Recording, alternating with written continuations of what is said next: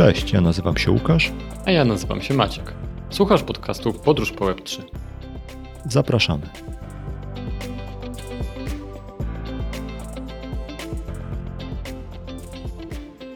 Cześć Łukaszu. Cześć Maćku. Jaki mamy na dzisiaj temat przygotowany? No, trudno, żeby trochę był inny niż ten, który przygotowaliśmy. To znaczy, porozmawiamy sobie o dwóch rzeczach. Pierwsza to będzie wsparcie finansowe Ukrainy i działanie za pośrednictwem krypto i to, co się wydarzyło ostatnio i dlaczego jest to istotne. Oraz podsumujemy sobie krótką historię naszego wspólnego portfela, bo jakiś czas temu wpłaciliśmy pierwsze środki na ten portfel i możemy zobaczyć, jak one sobie radzą w zmieniającym się świecie krypto, napędzanym trochę wojną. To zacznijmy może od tych rzeczy związanych z naszym portfelem. Tak dla przypomnienia, ustaliliśmy, że będziemy wpłacać 100 euro co miesiąc na nasz wspólny portfel i równowartość tych 100 euro będziemy za nie kupować jakieś tokeny. Pierwszy raz zrobiliśmy to w lutym, to było gdzieś w okolicach połowy lutego, koniec końców, mimo że mieliśmy to robić na początku, no ale udało się chyba w okolicy połowy lutego. Kupiliśmy za 100 euro USDC i za to USDC weszliśmy na Fantoma i na Fantomie 70% tych środków przeznaczyliśmy na pulę płynności FTM TOMP, zrobioną na spóki swapie i wrzuconą na Tomp Finance. Czy dobrze powiedziałem? Dokładnie tak. Gdy przelewaliśmy 100 euro, to to było 100 euro minus opłaty sieciowe e, w ilości ułamka jednego fantoma, także powiedzmy są pomijalne. Na ten moment wartość naszego portfela to jest 98 euro i 70 centów, z czego naszą powiedzmy korzyścią jest to, że mamy prawie 2,7 euro w należnościach wypłaconych z tej e, puli płynności. Natomiast są też różnice kursowe, które po tym jak wpłaciliśmy środki na ten portfel, no to niestety trochę kursy spadły. Zostało to zrekompensowane minimalnie należnościami, natomiast teraz dosyć mocno kursy się odbiły w ostatnich dniach, właśnie po tym jak wojna na Ukrainie wybuchła, więc ten portfel wrócił do właściwie poziomu wyjściowego. Praktycznie wrócił, tak. Po tym spadku wrócił kurs plus należności wyrównały wartość tego portfela, także na razie e, można by byłoby przyjąć, że nasz portfel wychodzi na zero. Tak, no szczególnie, że tam 30% wartości tego portfela trzymamy dalej w USDC, więc no jakby tutaj się nic nie zmienia. 30 około do, dolarów w USDC jest warte dalej 30 dolarów w rzeczywistości. To, na czym jeszcze potencjalnie nasz portfel, powiedzmy sobie, zyskuje, to jest różnica znacząca w kursie złotówki do euro. To znaczy, jak kupowaliśmy euro, żeby za nie kupić krypto, to euro było w okolicach 4,40, na dzień dzisiejszy jest to 4,80, więc mamy tutaj dobre kilka procent punktów procentowych y, jeszcze różnicy na kursie walut fiat. I teraz na początku marca przyszedł kolejny okres wpłacania kolejnych 100 euro do naszego wspólnego portfela. No i w związku z tym, co się dzieje na świecie, stwierdziliśmy, że w tym miesiącu za 100 euro kupimy Ethereum, czyli token ETH i zrobimy w całości y, jakby przelew czy, czy dotację na y, oficjalny portfel, który wystawiła Ukraina, no celem wsparcia tego. I teraz jest tutaj kilka ciekawych elementów. To znaczy, po pierwsze, to, że Ukraina jakby wystawiła portfele w Bitcoinie, w Ethereum i chyba w y, Polkadot do tego, żeby jakby zbierać dotacje na to, żeby ich wspierać finansowo. Drugie to jest to, że w którymś momencie powiedzieli, czy zapowiedzieli bardziej, że będą mm, robić airdropa jakiegoś tokenu, jakby takiego dziękczynnego w związku z tym. A trzecia rzecz to jest to, że odwołali tego airdropa i stwierdzili, że jednak to nie będzie airdrop tokenów, tylko że to będą NFT. I teraz opowiemy trochę o tak, tym. Tak, bo pierwotnie mieliśmy wpłacać te środki. No z jednej strony w ogóle my wcześniej też y, wpłaciliśmy środki z naszych własnych portfeli, natomiast pomyśleliśmy, że w ramach y, z jednej strony eksperymentu portfelowego, z drugiej strony, skoro mieliśmy wpłacać środki na, na ten portfel i robić eksperyment, to przeznaczyliśmy w całości tę wpłatę marcową na tą inicjatywę. E, natomiast potem tak rozmawialiśmy i zastanawialiśmy się, jakie to może mieć konsekwencje tak zwanego drugiego rzędu i jak to może się dalej rozwinąć, tak? To znaczy, jak mogą być potraktowani ludzie, którzy wpłacili te środki na ten oficjalny portfel, bo jest to otwarty rejestr. To znaczy, jest to zupełnie, zupełnie transparentny rejestr darczyńców, i teraz jest to dostępne zarówno dla tak zwanych dobrych aktorów, jak i dla e, bad actors, tak? To znaczy można byłoby na przykład przejrzeć, i to jest żaden problem, wszystkie transakcje wpływające na portfel Ukrainy. Na przykład Rosja mogłaby taką operację przeprowadzić, zinwentaryzować wszystkie portfele, które dotowały ukraińskie wojsko, no bo trzeba powiedzieć, że to jest no, praktycznie na działania wojenne dotacja, taka war bond, niegdysiejsze, tylko że... Obligacje wojenne. Otóż tak. Tylko, że no te obligacje, no to jak ktoś schował do szuflady, to nikt nie wiedział y, ile i kto y, kupił takich obligacji wojennych. Tutaj jest to zupełnie transparentne. Co więcej, można powiązać te portfele z nazwą ENS, z nazwą .eth na przykład, z aliasem po prostu portfela. Ludzie mają przecież na Twitterze swoje niki oparte o alias ENS i wiadomo kto gdzie wpłacał. Także to jest kolejny taki kamyczek do wielkiego wora o tytule Bezpieczeństwo krypto. I ja jestem ciekawy, czy przypadkiem nie będzie tak, że osoby, które będą na przykład chciały odwiedzić Rosję, będą zatrzymywane pod mm, zarzutem sponsorowania terroryzmu w Ukrainie, no bo taka narracja jest obecnie. No, to jest w ogóle ciekawe z kilku powodów. W sensie z pierwszego powodu takiego historyczno filozoficzno-wojennego, bym powiedział, to znaczy tego, że kiedyś y, kraje emitowały obligacje wojenne, one miały, mogły mieć jakąś y, potencjalny zysk, jeżeli oczywiście wojna zakończy się sukcesem dla tego kraju, który emitował te obligacje. W dzisiejszych czasach, co też jest znakiem właśnie dzisiejszych czasów, te obligacje, chociaż nie są to do końca obligacje, no ale mają formę wpłacania tokenów w krypto na oficjalne portfele, którymi przynajmniej podobno i wszystko na to wskazuje, jakby zarządza kraj, w sensie no pewnie rząd y, Ukrainy. Y, Witalik, y, czyli jeden z, no nie wiem czy z założycieli, to jest dobre określenie, ale jedna z osób, które są jakby czołowymi osobami w świecie blockchaina, Ethereum i w ogóle w całym krypto. Jakby na początku, jak ta informacja o tym, że można przelewać krypto się pojawiła, no to zwrócił uwagę na to, żeby dobrze zweryfikować, czy to na pewno są oficjalne portfele, czy to jest faktycznie zrobione po Bożemu, czy to nie jest tak, że ktoś stwierdził, że no jakby na całym tym, całej tej sytuacji sobie zarobi pieniądze, podszywając się pod Ukrainę. No okazało się, że no jakby ileś osób przeprowadziło jakieś, nazwijmy to, dochodzenie i wyszło, że faktycznie no to są oficjalne portfele Ukrainy. Uwiarygodnili się pod tym kątem, że faktycznie te środki wpływają po to, żeby wesprzeć Ukrainę w tych działaniach obronnych. To jest ciekawe, no właśnie to jest znak czasów, że te, te obligacje wojenne zastąpiły się dotacjami poprzez krypto. Co prawda nie mają one do końca takiego charakteru obligacji, no bo one nie mają żadnego potencjalnego zysku, w sensie no to przelewać te pieniądze i nic się w zamian za nie to nie dostaje, ale w którymś momencie właśnie padła informacja o tym, że będzie z, dla osób, które dotowały Ukrainę, będzie przeprowadzony airdrop, co miałoby znamiona jakiejś formy wynagrodzenia w sytuacji, w której ktoś przelał jakieś środki. Znowu Różnica jest taka, że nie ma to znaczenia tak naprawdę, czy Ukraina tą wojnę wygra, czy się obroni, czy się nie obroni, no bo dalej te tokeny będą w jakimś obiegu i może się okazać, że w którymś momencie historii te tokeny będą warte więcej niż na początku w momencie airdropa.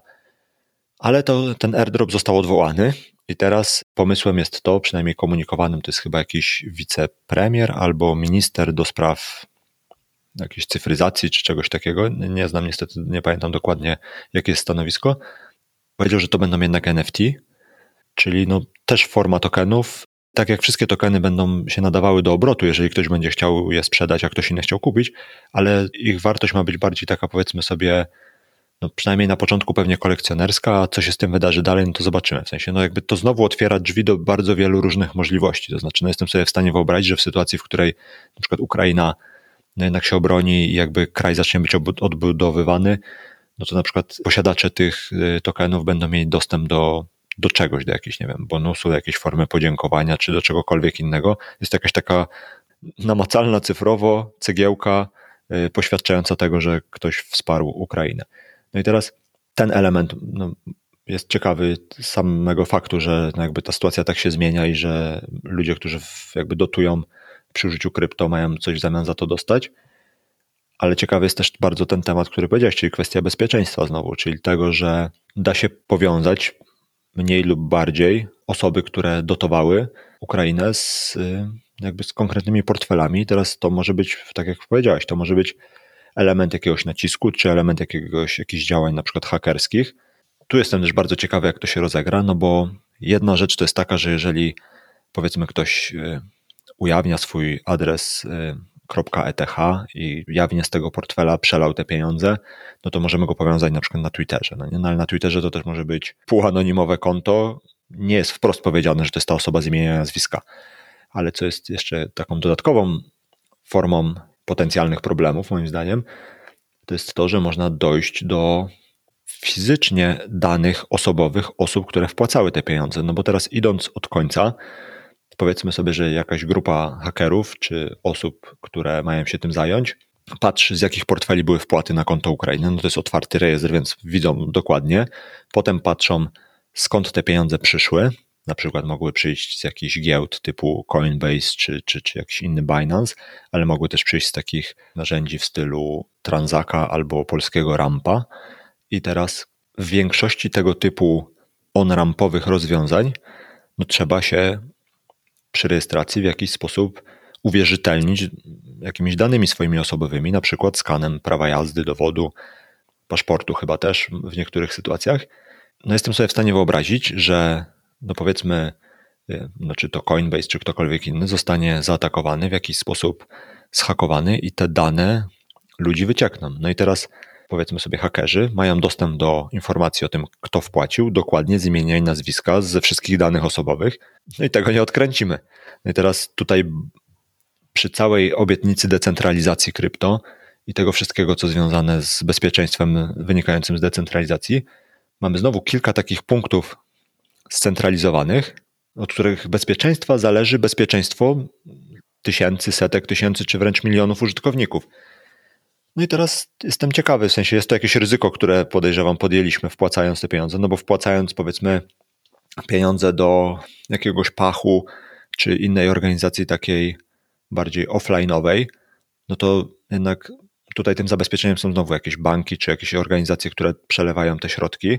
I tam oczywiście też jesteśmy narażeni na to, że ktoś się włamie do tych y, instytucji, no ale tam trochę gwarantem mimo wszystko jest państwo, czy, czy, czy jakaś taka organizacja państwowa, y, która wymusza jakieś procedury bezpieczeństwa, jakieś procedury tego, w jaki sposób to będzie robione. Natomiast no, powiedzmy taki no, ten Coinbase, trzymajmy się go. Nie wiem, na ile on jest zobowiązany do przestrzegania różnej, różnego rodzaju procedur związanych z przechowywaniem danych osobowych, z przechowywaniem informacji jakichś takich y, jakby osobistych czy, czy finansowych wszystko zależy trochę od tego, jak to było zrobione i, i w jaki sposób to było zorganizowane. A jest też cała masa tych rozwiązań, które są no, dopiero co startupami, które się wykluły, tak jak na przykład y, ten polski ramp.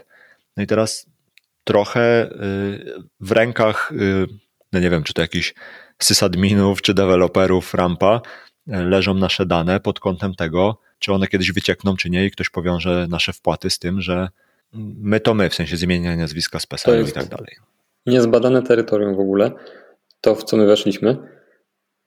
I tak naprawdę, no, dla przykładu ten Coinbase, ostatnio była taka olbrzymia luka, za którą 250 tysięcy dolarów bodajże e, dostał tak zwany e, white hat, white hack, hacker, no po prostu człowiek, który znalazł tą, tą lukę, a która mogła położyć całego Coinbase'a. Co prawda, była to luka związana z wykorzystaniem tak, takiej furtki do kradzieży pieniędzy, a nie do ataku na bezpieczeństwo, bo my w tym momencie mówimy o ataku, którego konsekwencjami jest uzyskanie danych osobowych z dowodu do tego, żeby zidentyfikować, czyli w kryptoświecie y, zdoksować y, osobę, czyli powiązać jej y, tożsamość taką anonimową, internetową z fizycznym obywatelem. My się sami doksujemy tutaj, co prawda, na tym podcaście, więc nas nie trzeba. Proszę do... nas już nie szukać, my już tutaj sami tak jest, już tutaj. Y... Przyznaliśmy się. Natomiast no, jest cała masa ludzi, którzy są anonimowi. No i teraz, tak jak rozmawialiśmy na poprzednich, podczas poprzednich audycji, są tak zwane miksery lub też tumblery, gdzie wprowadzasz do takiego miksera token. On sobie tam krąży, krąży, krąży po tym mikserze i wychodzi ci płata z wielu różnych portfeli na inny adres. Czyli jeden adres, twój osobisty, powiedzmy ten publiczny, wpłaca kasę na mikser, a inny, który też kontrolujesz, uzyskuje wpłatę z rozproszonych źródeł po prostu. Jest to sposób na zanonimizowanie się. Są tam pewne progi, które wymagają tego, żeby to była no, powiedzmy konkretna kwota. Na przykład Tornado Cash to jest jeden z takich mikserów bardziej popularnych. Natomiast tam są progi 1, 1 e, Ether, 1 dziesiąta, 10 Etherów i tak dalej. Także są mocno skwantyfikowane te wartości, które chcesz wpłacić, więc to też jest pewnego rodzaju ograniczenie, jeżeli chcesz płacić albo mniejszą kwotę, albo kwotę pomiędzy, także no niestety są też ograniczenia tych mikserów. No tak, no użycie takiego miksera jest potencjalnie jednym z rozwiązań na to, żeby w jakiś sposób utrudnić na pewno, nie wiem czy uniemożliwić w zupełności, ale na pewno mocno utrudnić takie prześledzenie, kto tą wpłatę dokonał. Wydaje mi się, że to też jakby ryzyko nie jest rozłożone równomiernie geograficznie. To znaczy, podejrzewam, że osoby wpłacające z Hiszpanii czy z Portugalii są potencjalnie dużo mniej narażone na potem jakieś reperkusje, jeżeli y, jakby ktoś będzie śledził, kto był donatorem y, tych, na tych kontach, y, które mają wspierać Ukrainę, niż osoby na przykład z krajów tutaj bałtyckich, czy z Polski, czy z jakiejś tej ogólnie rozumianej Europy Wschodniej, no gdzie jakby ta strefa wpływów jest też dużo inna, no nie jakieś powiązania gospodarcze i nie tylko.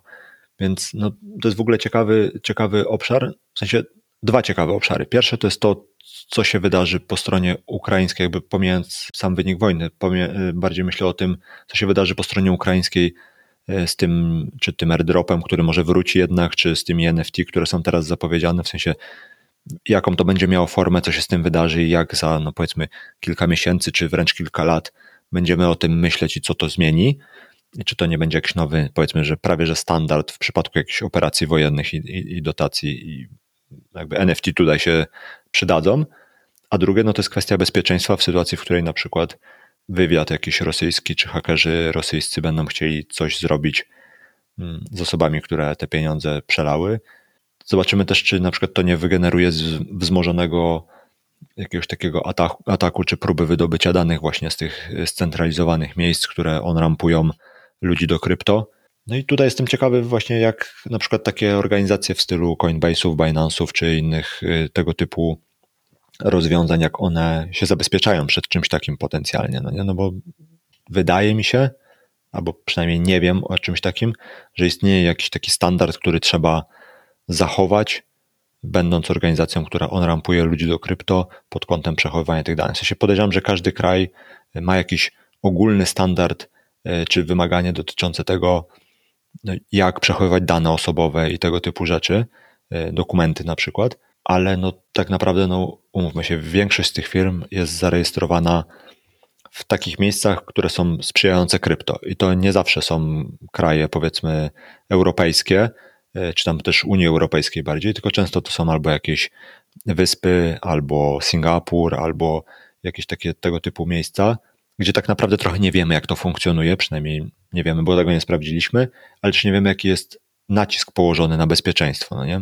I to, to jest moim zdaniem też takie super e, ciekawe, ale też z drugiej strony bardzo tak, niebezpieczne. Ale też weź pod uwagę, że niektóre Y, firmy krypto są celowo rejestrowane jako podmioty y, związane z obrotem pieniędzmi, jak na przykład RAMP y, i to w UK.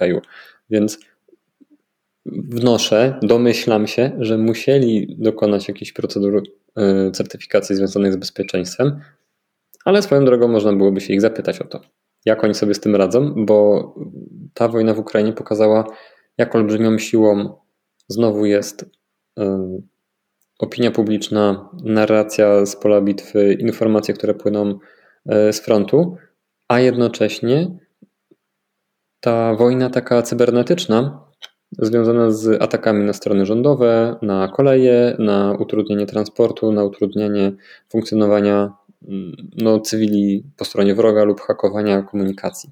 I dużo ludzi uważa, że niezależnie od tego, jak ten konflikt się skończy, mogą mieć tego reperkusje i taka wojna odwetowa cybernetyczna.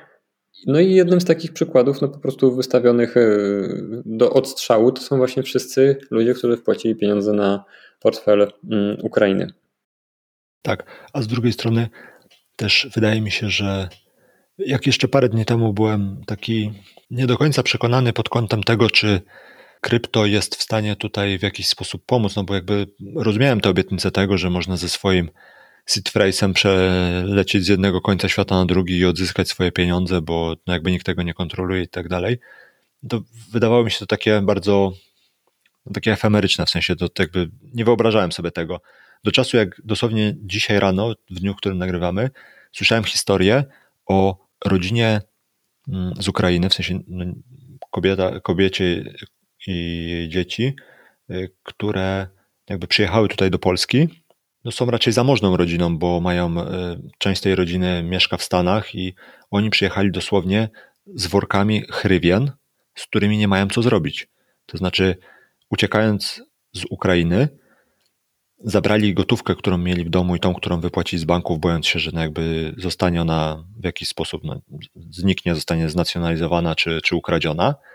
I przyjechali z tymi chrywnami do Polski i nie mają co z nimi zrobić. Po pierwsze, ten kurs jest chwiejny, po drugie, nie ma za bardzo gdzie wymienić tych, tych pieniędzy i są z całą masą gotówki, która jest prawie nieużywalna, no nie? Na, przynajmniej na dzień dzisiejszy. To wszystko zależy, jak się sytuacja rozwinie. Może się okazać, że za parę miesięcy ona będzie z powrotem w obiegu i będzie normalnie do użycia.